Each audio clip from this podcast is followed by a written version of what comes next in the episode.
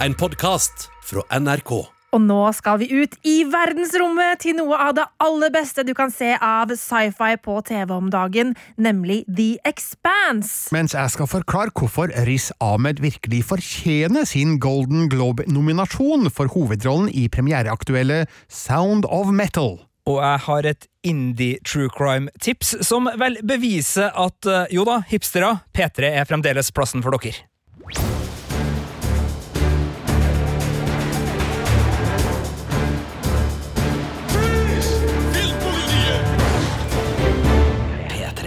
Hallo, alle sammen, og velkommen til det jeg vil kalle en innholdsrik podkast.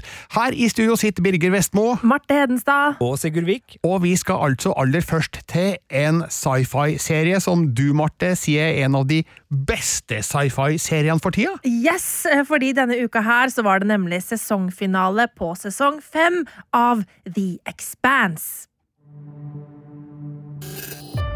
My name is Marco Inaros. I am the commander of the Free Navy. With the opening of the alien gates, we are at a crossroads. No longer will Belters be persecuted. With this attack, we will show our oppressors a strength they never thought possible. The future of the belt has begun. Ah, Marte, you had me at the sci-fi-serie. Men av en eller annen grunn så har jeg aldri begynt på The Expanse. Hva slags serie er det her? Jo, altså det her er jo det som eh, i sin tid da var en skikkelig storsatsing av kanalen Sci-Fi. Eh, og grunnen til at du ikke har eh, Kanskje at den har gått litt under radaren for deg, Birger, var at det tok litt tid før The Expanse kom til Norge. Og da den endelig kom, så var det på Netflix litt sånn under radaren, ikke, ikke med noe sånn der brask og bram-lansering der. Den ble kansellert av Sci-Fi etter tre sesonger, men så tok Amazon Prime Video over. Eh, og nå har da altså sesong fem eh, gått ferdig her i Norge og resten av verden. Og eh, det er litt sånn synd at den har liksom fått så lite oppmerksomhet, for det her er en skikkelig skikkelig eh, fet serie. Altså Bare se for deg, vi er eh, i vårt eget solsystem, men noen hundre år eh, lenger frem i tid. Menneskeheten har kolonisert solsystemet. Eh, vi, har, eh, vi, bor på månen, altså Luna, som de kaller det. Eh, det er folk på Mars. eh, Og det er folk eh, i det ytre asteroidebeltet i galaksen, eh, som man bare kaller for belte. Eh, Og der ute så har det bodd folk så lenge at eh, de som bor der, de eh, Kroppene deres er ikke så veldig bra laga for tyngdekraft, eksempel. Um, og det som er kult, er at det, det er en sånn veldig sånn storpolitisk eh, faktor inne i bildet her. Mars de har brutt ut eh, som De er ikke lenger koloni, altså de er sin egen, eh, egen, sin egen nasjon. Eh, og det er veldig mye sånn storpolitikk fra liksom FN som på en måte prøver å forhandle mellom de ulike fraksjonene da, rundt omkring i solsystemet. Og hvis du nå syns at det her høres litt kjent ut, men du aldri har sett på The Expanse, så kan det være fordi det her er basert på en bokserie av James A. Corey, som jeg vet eh, venner av meg har eh, lest og anbefalt, uten at de nødvendigvis har kjent til TV-serien. Ja. Så det er jo ei historie som eh, har svingt både da mellom to permer og på eh, nå da skjermer. Ja, og James S.A. Core, det er faktisk to personer. Daniel Abraham og Ty Frank. Og jeg vet at de har visstnok vært i sånn samme sånn eh, writers-klubb. altså en av de har vært eh, assistenter for George R. R. Martin, eksempel. Så dette her er forfattere som også eh, på en måte har fått blitt lært opp av en fyr som har jobba mye med TV. Um, sånn at um, det, det er veldig interessant. Og eh, det som på en måte er veldig rart med The Expanse, er at den begynner som en litt sånn weird serie. I sin første sesong så er det en slags eh, sci-fi eh, film noir-krim. okay. Hvor det er da eh, en detektiv eh, som eh, skal finne en eh, forsvunnet jente, altså en, eller en dame. Og så i eh, etterforskningen av hennes eh, forsvinnelse, så, så dukker det opp et sånt mystisk eh, utenomjordisk molekyl, et protomolekyl, eh, som skaper trøbbel for dem. Eh, og, utifra, og derfra og ut så endrer serien seg i løpet av de to første sesongene til å bli på en måte en detektivgreie, til å bli en svær sånn episk saga om både eh, ting som på en måte lurer i horisonten. Eh, andre på en måte eldgamle sivilisasjoner som er blitt utryddet av noe annet og skummelt som vi ikke vet hva er. Eh, som liksom er det som ruver i bakgrunnen, samtidig som at det er på en måte i solsystemet eh, masse på en måte konflikter eh, som går både på ressurser, på eh, hvordan på en måte de rike og hvordan jordboerne utnytter f.eks. de ute i beltet som driver og jobber nesten som slaver, ikke sant? Eh, for å, eh, og må liksom må jobbe for lufta de puster, ikke sant? Eh, og liksom den konflikten med Mars. Og i det lydklippet vi hørte innledningsvis her, så hørte vi da en terrorist, Marco Inaros, som sier at han er han er lederen for The Free Navy, og det er han som på en måte Han ønsker å på en måte gjøre beltet fri for jordens eh, ja, påvirkning og jordens styre, da. Eh, Marte, grunnen til at jeg ikke har sett The Expanse, er Vi har kanskje vært inne på det før, men jeg har en samboer som jeg er veldig glad i, men hun hater sci-fi. Og da er det veldig vanskelig å få sett en sci-fi-serie i fem sesonger. Men når du forteller om den, så høres jo The Expanse ut som en eh, som et storpolitisk drama som eh, tilfeldigvis er satt in outer space. Ja, og den, den er jo eh, Altså, den er litt det, samtidig som den er òg en sci-fi. Sånn at hvis du hater sci-fi, så tror jeg kanskje det vil fortsatt være litt vanskelig å svelge The Expanse, altså. Men den har på en måte alle de elementene uh, som gjør den til noe mer, da. Uh, men det er jo sånn at vi følger jo da crewet på skipet, skipet Rosinante, uh, som er en sånn salvage-skip. Um, og, ja, og som på en måte da blir involvert i alle disse tingene som skjer, da. Um, og det er veldig mye verdensrom her, selv om det òg er veldig mye spennende på det politiske planet. Um, Shoré Agadashlo, uh, hun spiller eh, FN-leder eh, Christian Avarsala, og er da politiker. Um, og hun er altså en av de aller beste skuespillerne i denne serien her. Um, og kan virkelig liksom sånn Hun, altså hun jobber for et forent eh, solsystem uten konflikter. Men hun har hatt en sånn kjempespennende progresjon eh, gjennom sesongene. da, Fra å på en måte være den som sitter med makta, eh, som ønsker å på en måte knuse all, liksom, eh, all opposisjon, eh, til å være en som ønsker å samarbeide. Så, sånn, det er utrolig masse spennende karakterutvikling i løpet av disse sesongene, når de, på alle fronter egentlig, eh, som gjør at det òg blir veldig interessant å følge. Altså, jeg hadde ikke så veldig sansen for mange av rollefigurene i den første sesongen. Eh, jeg syns for eksempel Eh, eh, eh, nå skal jeg bare skyte inn her. Altså, Ja. Nå spoila du litt av én Ja, hovedfigur sånn gjennom sesongene. Jeg tenker for dem Ja, det som var ikke en skal- nei, nei, nei, nei, men, ja. men sånn, vi, vi trenger ikke å gå Nei, gjennom nei, men jeg kan jo si rollefigur... at jeg ikke For eksempel, jeg hadde ikke så veldig sansen for Steven Strait, som spiller eh, en av seriens hovedroller, Jim Holden, som er da kapteinen for Rosinante. Jeg syns han var sånn der, helt sånn derre stoisk, kjip, traus type. Ja, for streit. For streit, og sånn regelryttertype som var skikkelig kjedelig. Og jeg syns ikke han ga noe som skuespiller, da. Jeg syns han var veldig sånn tam som skuespiller. Derfor han heter jo Streit. Han heter streit? Steven Streit. Ikke sant? Men nå elsker jeg han. Ikke sant? Og sånn er det har vært med flere av eh, både skuespillerne og rollefigurene. At de har utviklet seg både som skuespillere og rollefigurer, kanskje. Men altså, Shore Agdaslo spiller Krishen Avasarala. Driver Ja. med sånn navnesadisme i The Expense! ja, det har blitt vanskelig navn Men du, altså, femte sesongen er jo nå da på Amazon Prime Video, men serien har hatt en litt sånn broket tilværelse, stemmer Ja. ikke det? Jo, altså som sagt så begynte den på sci-fi og har da øh, gikk der i tre sesonger.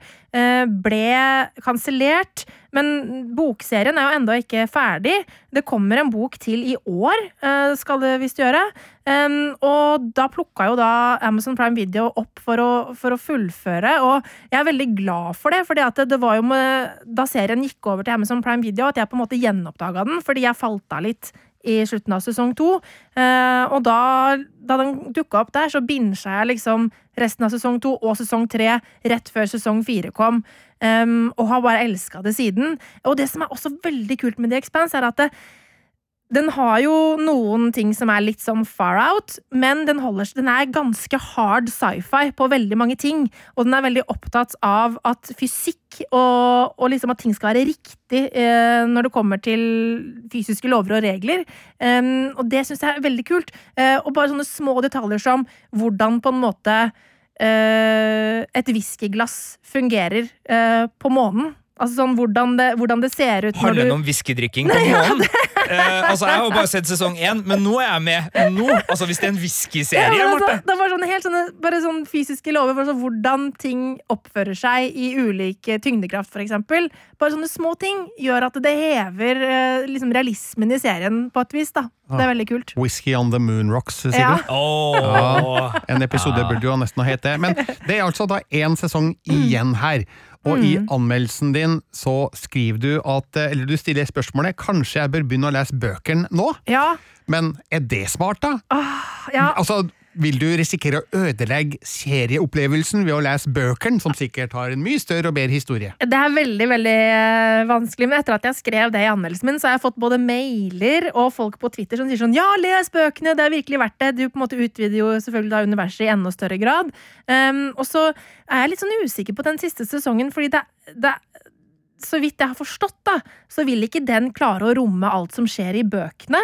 Eh, Så det kan jo hende at den kanskje vil få At TV-serien vil få en litt annen avslutning enn bokserien.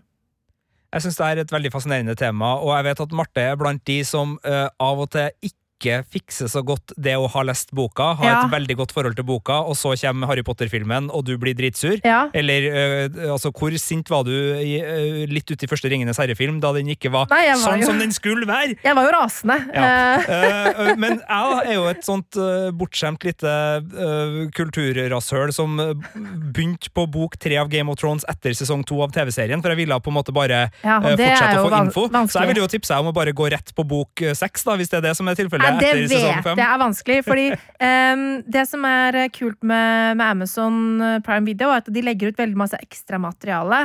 Uh, både inni episodene, så hvis du på en måte swiper opp, uh, så får du jo masse sånn ekstramateriale om hvem som er med i, i scenen, og du får masse sånn derre behind the scenes uh, art-greier og sånn. Og så har de òg en sånn greie på, på Instagram som er sånn etter ehm, etter episoden liten sak, eh, video, eh, hvor de En slags nesten podkastaktig greie.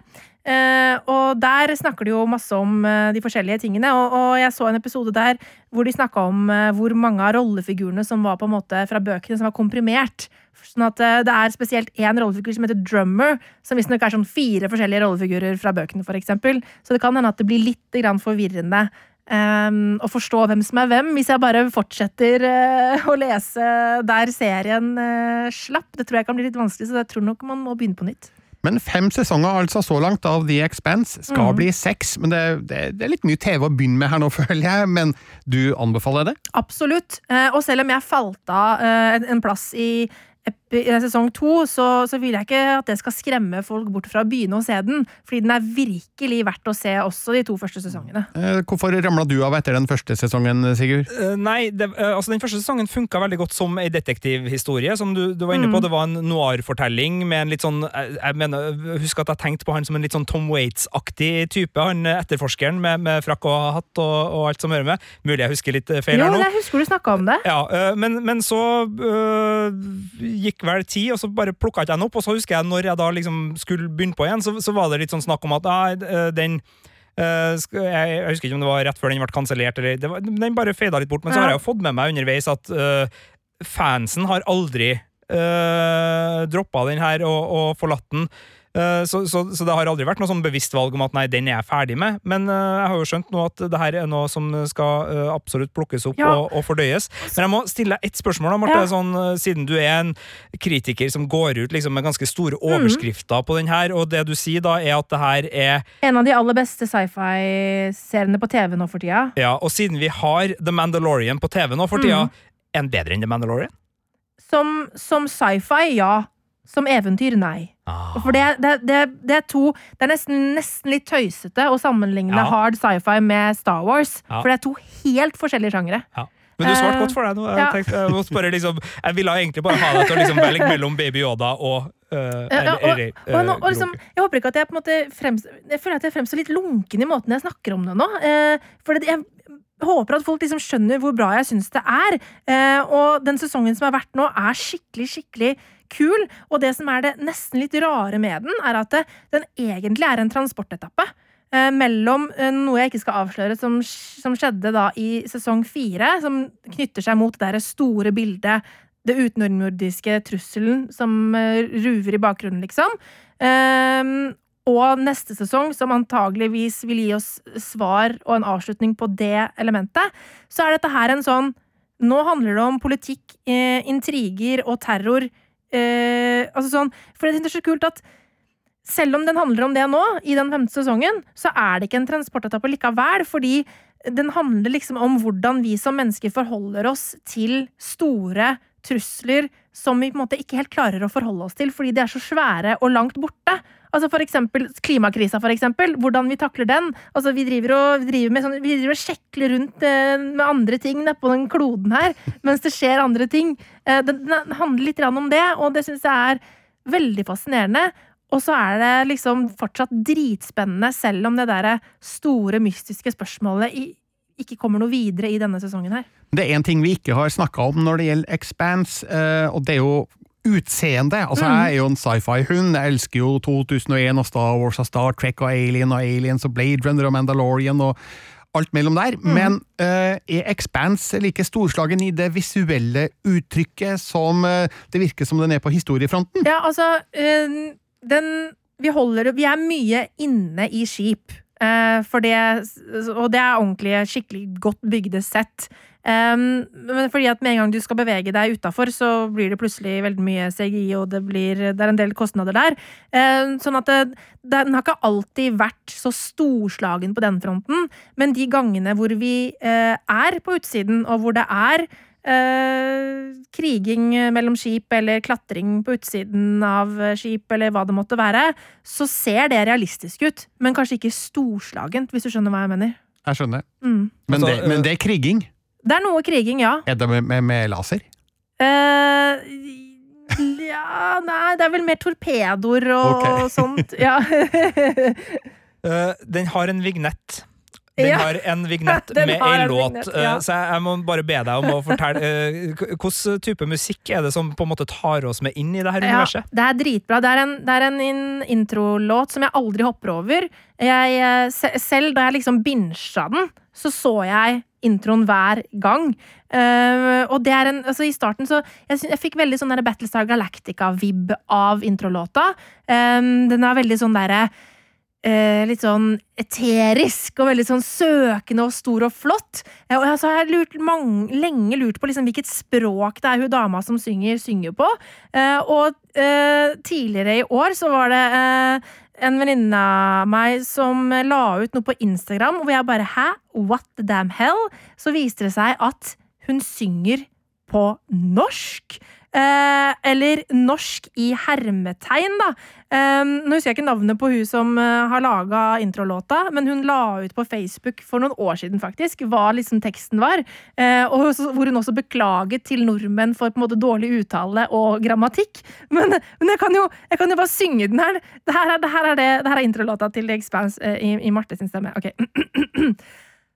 I disse morgenen gi stige asuke Ja, lyntet jeg har delt ja. ben amore. Ja, men alle skjønte jo det. Jeg sånn- Veldig bra, Marte. Veldig bra. Skulder, sorry hvis jeg sang litt feil på eh, melodien her nå, men skulder det benamore betyr ifølge uh, hun dama her 'shouldering this I ask now for darkness'. Akkurat. Nemlig. Er interessant og litt weird. ja, det er veldig rart. Takk for den, Marte. The Expanse kan du se på Amazon Prime Video. Alle de fem sesongene ligger der.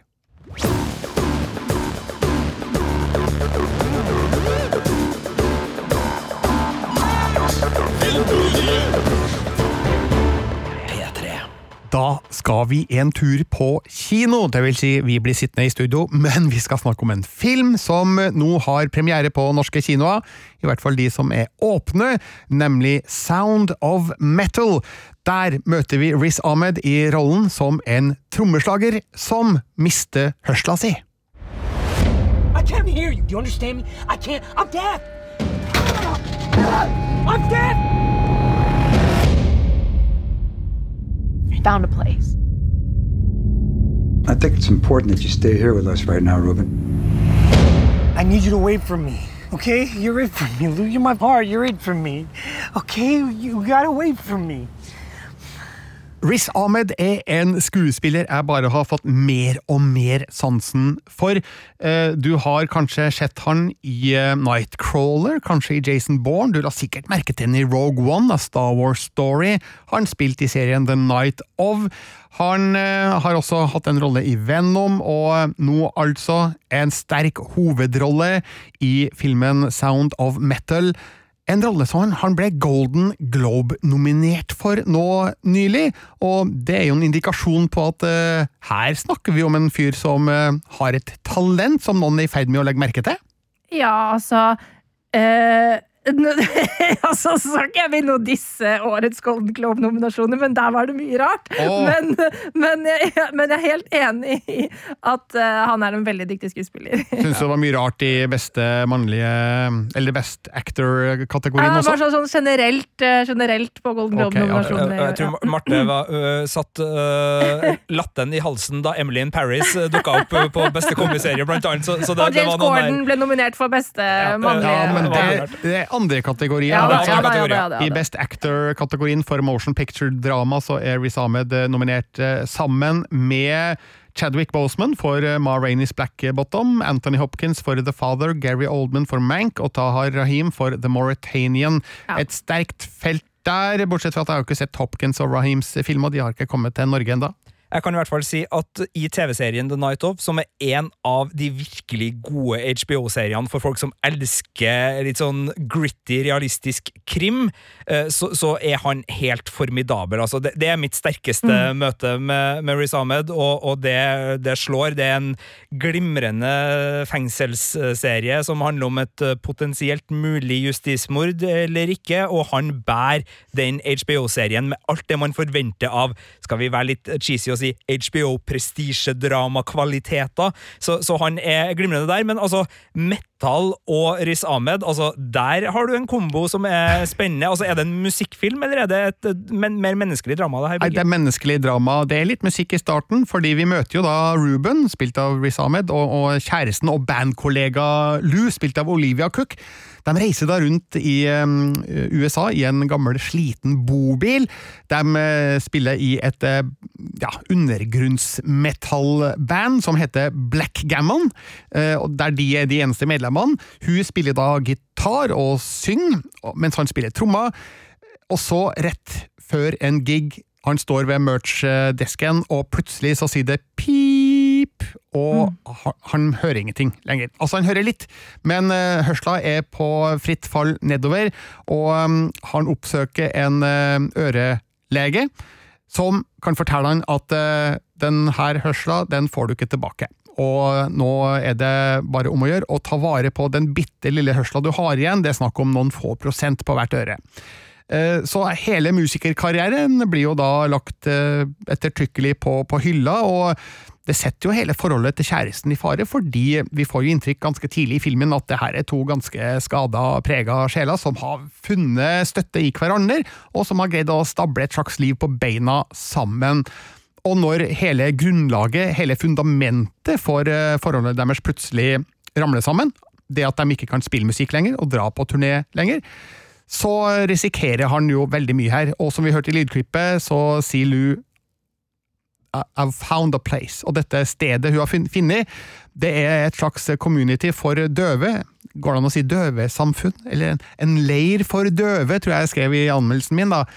Ledet av Joe, spilt av Paul Rossi, som da går i gang med å ja, lære opp Ruben i hvordan man skal leve som døv.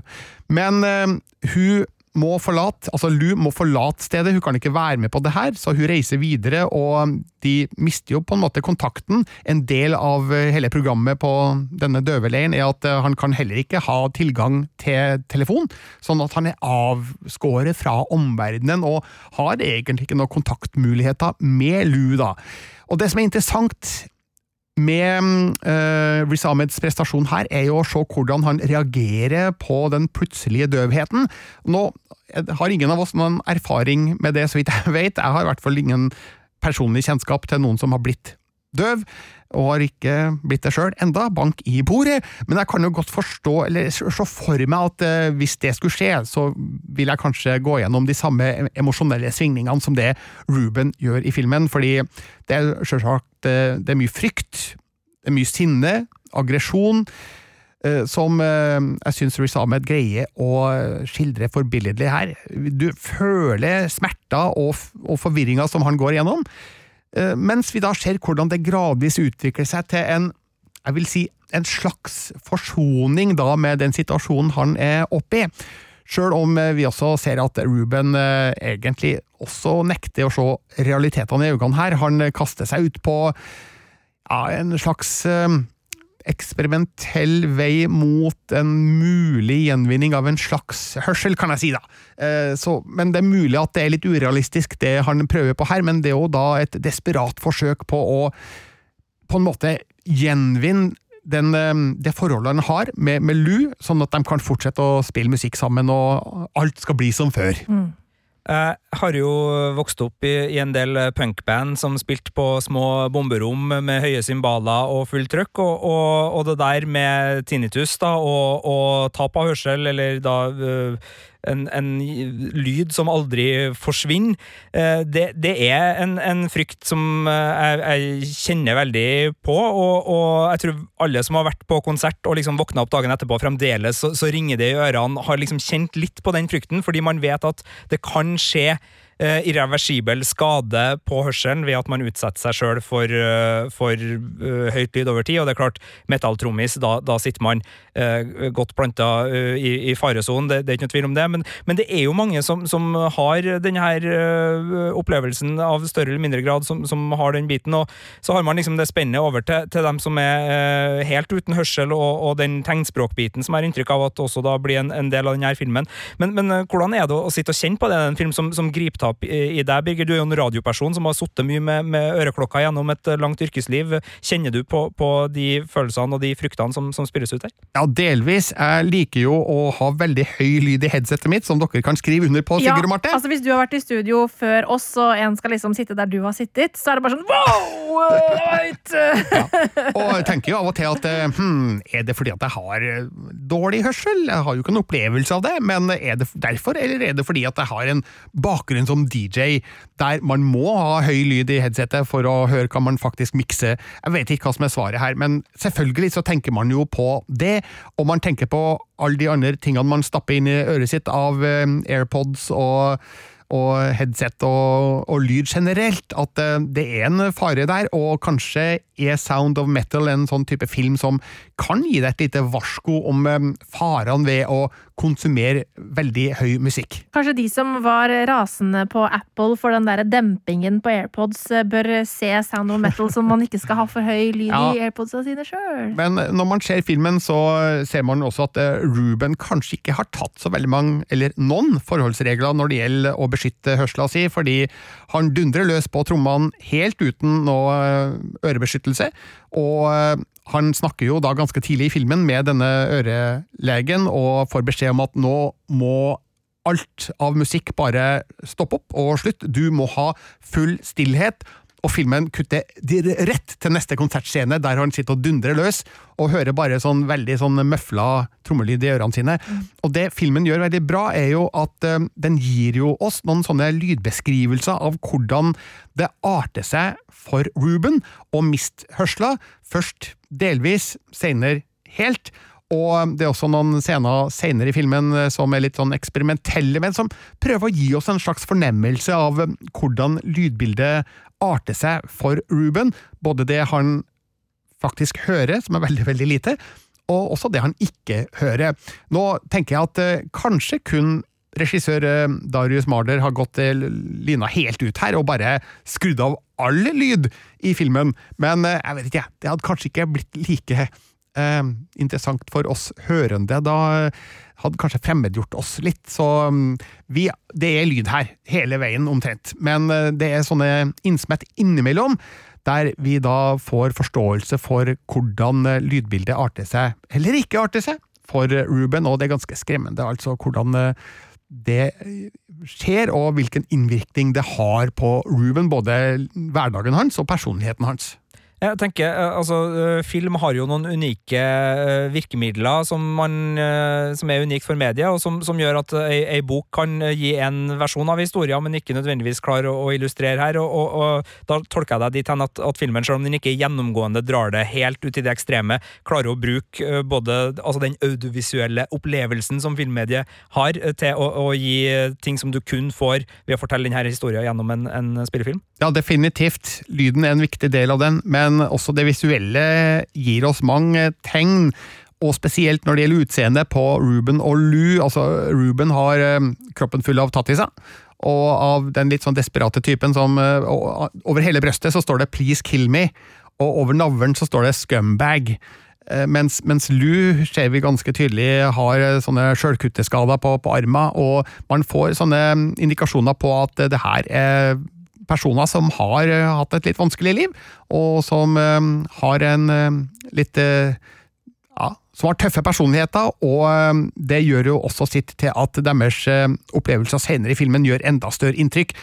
Fordi vi skjønner at de er avhengig av hverandre, men de blir tvunget til å være adskilt, og så er jo det store spørsmålet hva vil skje til slutt. Men eh, det skal jo ikke jeg snakke om her, fordi det skal dere finne ut sjøl i filmen Sound of Metal, som da, altså, som jeg sa, sa er regissert av Darius Marder. Han debuterer som spillefilmregissør her, og det er utrolig sterkt å gjøre det så godt.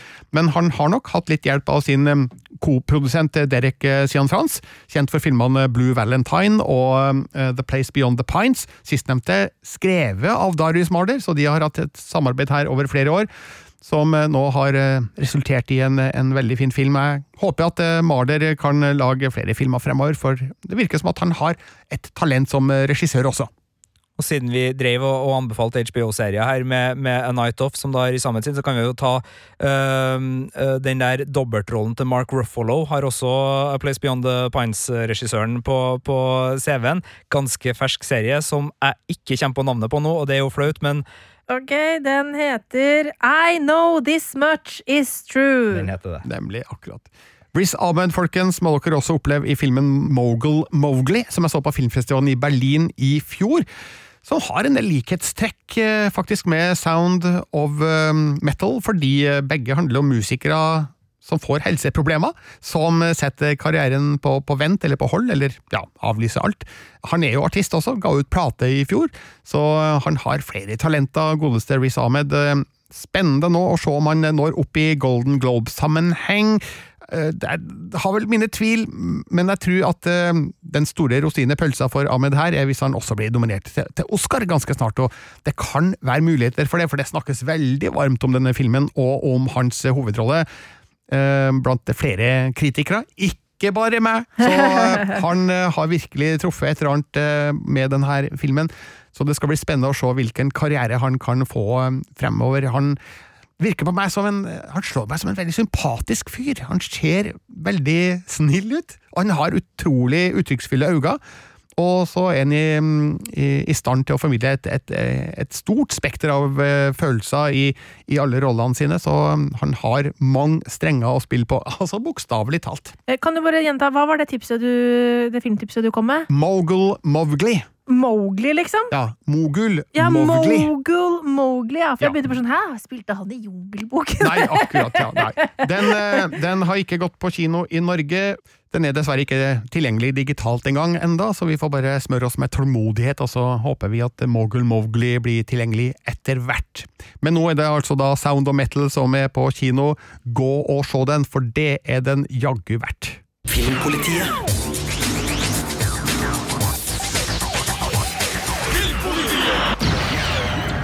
Inn i TV-ruta igjen, og der, Sigurd, der finner vi en ny eh, true crime-serie? Det gjør vi. Eh, skal jeg teste ut noen sånn veldig tabloide overskrifter på dere nå? Kom igjen. altså, Jeg nevnte jo i innledninga her at det, at det kunne sies å være en slags indie true crime som skulle sørge for at uh, hipsterne uh, nå skulle få et, et skikkelig strømmetips på, på, P3. Kan også kalle det en slags indie Tiger King. Altså, Joe Exotic er jo en av de mer litt sånn der Uh, fascinerende hovedpersonene vi har sett i, i True Crime da, med, med Tiger King-serien i det siste. Og denne serien har også en hovedperson som uh, Ja, altså der Tiger King har tigre, så er det her snakk om uh, eksotisk avl av fisk i oversvømte kjellere. folk får da betalt for å oversvømme kjelleren sin, og så har den her vedkommende lyst til å avle litt eksotisk fisk der. Og det her er også om en person som har drømmer om å bli president i USA. Så det er, det er noe der. Her var det veldig mye på en gang, føler jeg. Ja, og, og, og, og, det er nå uh, bare liksom så vidt i gang, for det her er egentlig en serie om en gigantisk bilsvindel på USA på 70-tallet, som handler om grønne drømmer og en trehjuling som velta. Uh, ja, The Lady and the Dale, folkens. I'm going to knock the hell out of Detroit. She thought that she would be the next Henry Ford. It's a situation of David fighting Goliath. She was afraid of spies from the big three. There was a briefcase full of cash, and next to it, the 357 Magnum revolver. It was a house of cards. Law enforcement agencies start taking a closer look, and the press turned on her and said, This is a scam. When they couldn't decide if the car was real or not, they started focusing on Liz. She was on trial as a trans person. Ja, bare lydklippet her sier meg at uh, ja uh, Truth is stranger than fiction. Ja, Det handler om mye, det her. Og uh, Grunnen til at jeg dro inn indie-begrepet, er litt sånn todelt. For det her kommer uh, produsert av Duplass-brødrene, kjent fra sin oppstart i Mumblecore-filmbevegelsen, men etter hvert både kjente produsenter og, og skuespillere. og så er det også en, en, stil her, en gjennomgående stil, som skiller seg veldig fra den tradisjonelle true crime-sjangeren, sånn som den har blitt til i, i strømme æraen. Altså Her er det ingen seige rekonstruksjoner av mørke, sakte bevegelser på hotellrom som tar opp pistoler, der du liksom bare ser det litt sånn dust. og Det, det er ingenting av det der tradisjonelle formspråket som har blitt litt sånn klisjéaktig i true crimen. Her brukes kollasj. Altså klipp og lim av øh, ulike bilder av ulike grafiske kvaliteter med ansikter bare klistra oppå, og det gjør jo at du får en veldig sånn frisk og ja, litt sånn indie-aktig, øh, humørfylt fortellerstil som også slippe det der sannhetsinsisterende problemet som true crime-sjangeren ofte har, ved at du rekonstruerer realistisk, eller tilsynelatende realistisk, så sier du liksom 'det var sånn det skjedde', uten at du faktisk påstår det, men, men det ligger der som en sånn usagt påstand. Uh, her får du det, det er så mye fiksjonsvirkemidler inni stilen her, at du, du liksom, du vet at det her er en fortelling som eh, du ser en versjon av, ikke nødvendigvis den absolutte sannheten hele tida. Så, så, den har mye gående for seg der, men det er klart, det er Elizabeth Carmichael og hennes Dale-bil som er den store attraksjonen her. Og hvis vi tar bilbiten først, da. Uh, The Price Is Right det er et gameshow dere kjenner til ikke sant, fra USA? Hørt om det. Ja. Du skal gjette hvor mye ting koster, og så kan du vinne ting og alt det der. Og i 1975 så var Dale-bilen den store attraksjonen i The Price Is Right. Den sto på podiet, den er gul, den ser ut som en slags DeLorean-aktig framtidsbil. Den har tre hjul, det er en sportsbil, og den skal liksom være løsninga på USAs energikrise. Den har en bensinsparende motor, den er lett, og der bensin er vanskelig å få tak i, og store amerikanske biler, ja, Birger, de bruker litt på mila, gjør ikke de det? Ja, du kan vel si at det går noen gallons per mile. Så det her skulle liksom være den grønne redninga, og alt så bare utrolig bra ut. Liz Carmichael var en sånn engasjert, sjarmerende sjef for det her General Motor Company, som det da het, og hun skulle ta opp kampen med de tre store bilgigantene. Drømmen hennes var å bli den neste Henry Ford. Hun snakka et kjempebra game om denne bilen. Uh, Og så var det jo en svindel, da. Eh, og det er en svindel som ikke bare er en svindel fordi eh, man ønsker å lure folk. Det er liksom ingeniører som bygger den bilen her. Det fantes en prototype, så det er ikke en sånn svindel som bare liksom er sånn her Det var et luftslott. Men uh, det ekstreme jaget etter penger og den ekstremt store manglende evnen til å faktisk kvalitetssjekke det man lager, og ikke minst da viljen til å ta imot penger før man hadde et produkt å selge, gjør at det er en av USAs store, store svindelhistorier. Jeg får en sånn slags sånn Fire Festival-feeling over over det hele. Det er også en referanse du kan, kan trekke inn, fordi Elisabeth Carmichael eh, er en eh, av eh, de som har veldig troa på den amerikanske drømmen, eh, men den mest brutale varianten av den amerikanske drømmen, hvor så lenge du, altså, eh, så lenge du har noe selv, så er det ikke så farlig om du faktisk på en måte er, har dekning for det. det. Det handler om å være entreprenør. Det er entreprenørskapet som, som er det vesentlige her. Men den bilsvindelen du snakker om, det er det som er true crimen her? sånn Det er ikke et mordmysterium, det her? Nei, men det er mafia, pistoler og faktisk drap med i denne historien også, Birger. Og, og det som er fascinerende, er at med Dale-bilen som utgangspunkt, så får vi da også historier om Elizabeth Carmichael. Og det er jo her serien blir både mer helsprø, men også får en samfunnsbrodd. Fordi Elisabeth Elizabeth Carmichael var en transkvinne, født under navnet Jerry Dean Michael i 1937. Eh, levd i sine holdt på å si, formative år, eller eh, altså levd et, et liv på, på rømmen. Altså ettersøkt for eh, eh, pengeforfalskning, og med familien som ikke hadde Jeg tror faktisk det var sånn, hvis jeg husker og forsto riktig nå, at det er ikke alle barna som har fødselsattest her, fordi de har liksom levd i bilen på jakt, eller på, på flukt, da. Eh, og så tar hun da opp eh, personen Elizabeth Carmichael og fronter det her bilselskapet, påstår at eh, hun har uh, utdanning som ingeniør fra prestisjefylte universitet, uh, lyver på seg en ektemann som skal ha jobba for NASA, uh, og, og i det hele tatt. Og så går denne svindelhistorien, og så følger vi jo også hennes liv etterpå. Men uh, det her er jo en historie som selvfølgelig, som svindelhistorie, fikk oppmerksomhet, men på 70-tallet så gir også denne serien noen kilevinker, og de er veldig uh, gode mot både media og rettsvesenet, og hvordan de behandler transpersoner uh, da på, på 70-tallet. Eh, Spesielt Dick Carlson, faren til nåværende Fox News-kommentator Tucker Carlson, viser noen transfobe holdninger i sin undersøkende journalistikk som er ja, Det får nakkehårene til å reise, rett og slett. Det å høre Tucker Carlson både i arkivklipp, men også i ferske intervju eh, snakk om, eh, om eh, saken. Eh, Han vant vel en sånn såkalt Peabody-pris, eller såkalt, altså han vant en Peabody-pris, som en amerikansk journalistpris, for avsløringene rundt Dale-prisen, så han har på en måte en slags sånn heroisk funksjon, i hvert fall sett fra sitt eget ståsted i denne historien, men eh, det etterlates et ganske annet inntrykk når man har sett denne serien. og det, kobles også noen, eh, noen eh, spor opp til, til hans sønn, som har en del uttalelser som også da eh, gjengis i, i denne serien. Og så er det helt forferdelig å se hvordan Elizabeth Carmichael blir uh, banka opp i fengsel fordi det amerikanske rettsvesenet setter sammen med menn der. Det, det, det er en del sånne øyeblikk i denne serien som, som går l- mer i dybden og, langt utenpå bare være en sånn fartsfylt uh, true crime-svindelhistorie. Altså den har en, en, et samfunnsengasjement som virkelig begeistrer. Så selv om det kan bli litt mye kollasj, og at det er en, en øh, ellevill tur vi, vi er på her, som, som spriker litt i, i flere retninger når det gjelder hvilken historie som fortelles, og, og alle elementene, så, så er det her en serie som både føles veldig frisk, og som føles viktig, relevant, og, og den engasjerer med ei historie som øh, både liksom heter skrekk og advarsel om svindelen, men det, det er et eller annet sånn inspirerende om den grønne bildrømmen inni her òg. Det er ikke sånn at Dale-bilen liksom etterlates i grøfta som noe som bare var et luftslott som, som på en måte advares mot. Det er et eller annet sånn her Ja, hva om Elizabeth Carmichael kanskje ikke var den her ekstremt grådige opportunisten som bare skulle liksom gjøre det her fortest mulig for å få penger, og kanskje at hun ikke var straffedømt.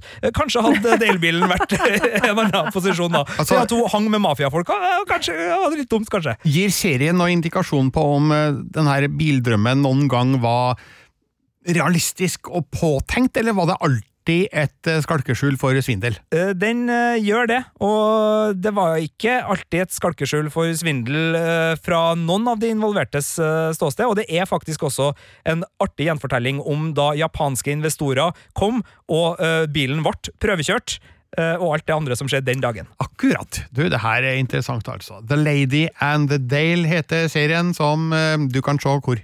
Den er ute på HBO Nordic. Det ligger to episoder ute nå, og det kommer to til. Det er fire episoder totalt. Og jeg håper ikke jeg spoila for mye nå. Fader, kanskje jeg spoila for mye nå. Det er jo en sånn historie, da. Det er en sånn historie, Ja. eh, og det er mange som, som kjenner til den her. Eh, Og nei, det, det, det her var en, eh, en liten indiefest av en true crime. Befriende langt unna dere dystre, spekulative uh, seriemordervariantene som preger spesielt eh, Netflix, da. Takk skal du ha for det tipset, Sigurd. Um, jeg ser at serien er regissert av Nikki Camilleri og Zachary Drucker. Og så nevnte du brødrene Jay og Mark Duplass, som er da blant produsentene her. Og så sa du helt i starten, med den største selvfølge, at eh, de kommer fra Mumblecore-filmen. Og jeg, Birger Vestmo, filmkritiker i 20, 22 år, tenkte hæ, what the Mumblecore? Ja. Hva er det? Nei, det er en eh, bevegelse innenfor indie-filmen, med lavmælte indiefilmer laga på lavt budsjett, og ofte med en litt sånn dempa, nedpå Alle, alle mumler hele tiden. Ja, det, det, men altså, det, det, er en, så det er en stilistisk uh, indie-sjanger fra Uniten Blast som uh, Der enkelte har, har kommet seg ganske langt innenfor eh, bevegelsen. Altså, uh, nå skal ikke jeg uh, liste opp alt, for det har ikke jeg kjennskap til, men det er en del navn du vil dra kjensel på her, Birger. Altså Jay Duplass, selvfølgelig, men altså Greta Gervig, Joe Swanberg Altså, det er mange filmskapere som har vært i eh, innom Mumblecore-bevegelsen i starten, og eh, det er eh, verdt å, å sette seg litt inn i enkelte av dem her, og jeg mener jo også at eh, Netflix-serien Easy, eh, som da er laga av Joe Swanberg, er en mulig inngang her for å, å få litt sånn appetitt da, på, på Mumblecore. Da skal jeg rett hjem og så skal jeg se Mumblecore, eh, og så håper jeg at det er tekst, da. så at jeg hører hva som blir sagt. Først skal jeg se Lady and the Dale, da, Sigurd. Bra. Med det setter vi sluttstrek for denne podkasten fra oss i Filmpolitiet. Vi er på internett. Det er vi. Du finner oss på Twitter hvis du søker opp Filmpolitiet, og på Instagram hvis du søker opp Filmpolitiet. Og så har vi jo en e-postadresse, filmpolitiet at nrk.no, hvis du har lyst til å komme i kontakt med oss. Og så fins vi også på p3.no skråstrek filmpolitiet, der alle våre anmeldelser publiseres. Ja, jeg tror Marte sa alt, jeg, Sigurd. Ja, hun gjorde det. Ja. Kan jeg, jeg kan mumle litt hvis det trengs. Du kan mumle litt, ja. Uh, I studio i dag, Birger Vestmo. Marte Hedenstad. Du har hørt en podkast fra NRK. Hør flere podkaster og din favorittkanal i appen NRK Radio.